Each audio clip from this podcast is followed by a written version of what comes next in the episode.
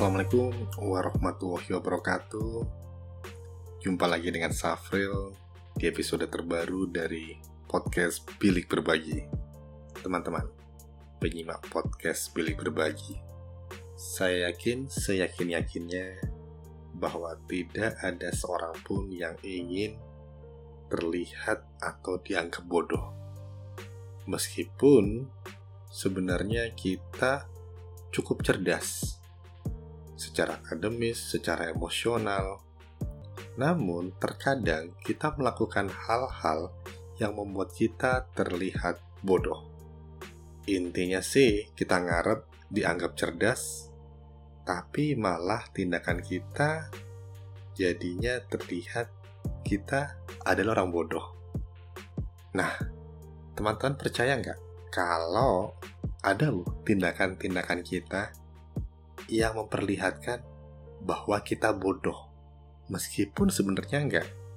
Jadi ada eksperimental psychologist yang bernama Dr. Balas Axel. Ini dokter cerita bahwa ada beberapa perilaku di mana orang-orang yang melakukan perilaku ini teridentifikasi atau terlihat sebagai seorang yang bodoh. Oke, kita lihat aja ya. Apa saja tindakan atau perilaku yang membuat kita terlihat bodoh. Yang pertama, terlalu percaya diri. Maksudnya, kalau ada orang tanya tentang sesuatu, kita berharap bahwa saat orang itu bertanya pada kita, kita selalu punya jawaban untuk segala macam pertanyaan.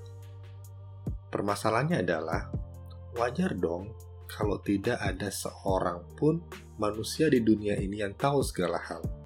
Sehingga bisa jadi beberapa hal di dunia ini kita nggak tahu.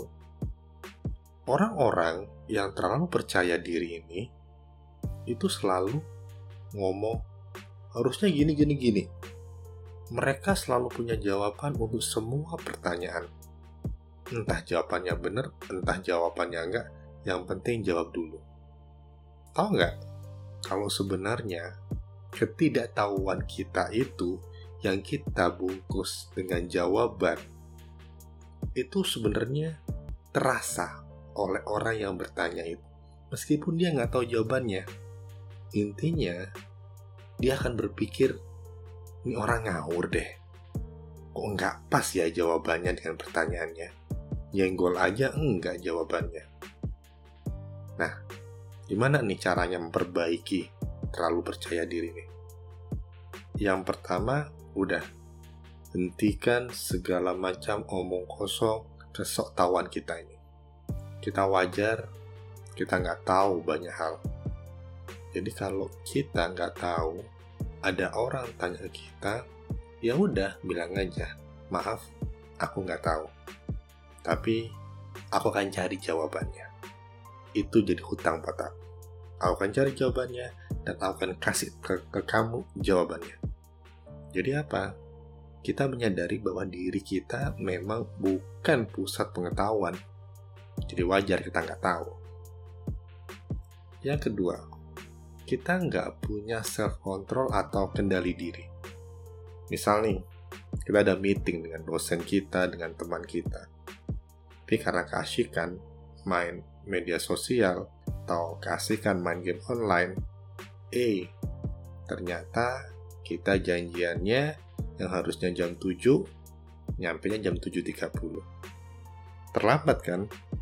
Ini benar-benar membuat image orang terhadap kita jadinya kita sebagai sosok yang nggak on time, nggak bisa dipercaya, dan hal-hal buruk lainnya. So, gimana cara ngatasin ini? Ini nggak semudah yang pertama dengan kita ngomong, maaf aku nggak tahu. Kalau ini benar-benar langkah preventif. Jadi kita perlu punya kendali diri sehingga kita tahu batas-batasnya sehingga kita nggak akan melewati batas. Kita paham bahwa ada prioritas lain yang perlu kita kerjakan. Jadi, jangan sampai kita dengan entengnya Maaf ya, aku terlambat. Maaf nggak menyelesaikan masalah loh. Maaf itu perlu didahului dengan usaha yang maksimal. Maaf itu didahului dengan self control yang optimal. Sudahkah kita melakukan itu?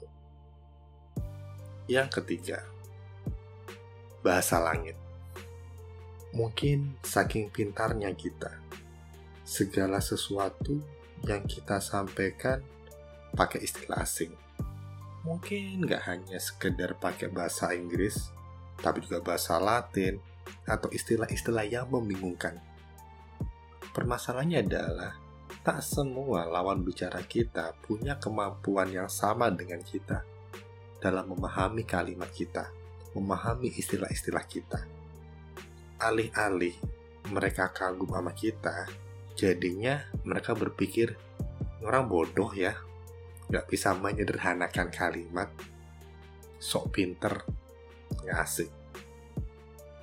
So, gimana cara ngatasin ini? Pertama gini, kita perlu tahu nih siapa lawan bicara kita dulu. Kedua, kita sesuaikan semua kalimat kita, istilah-istilah kita dengan kemampuan dia. Jadi jangan disamaratakan semua orang. Tiap orang beda, tiap lawan bicara beda. Berkomunikasilah dengan bahasa mereka. Ngobrol lah dengan istilah-istilah mereka. Kalau kita bisa membumikan istilah-istilah yang rumit, menyederhanakan masalah-masalah yang sulit, mereka akan berpikir kita orang cerdas. Oke? Selamat menjadi orang yang benar-benar cerdas. Sehingga tak ada ruang untuk membuat kita terlihat bodoh. Itu aja sih. Sampai jumpa di episode berikutnya dari Bilik Berbagi. Wassalamualaikum warahmatullahi wabarakatuh.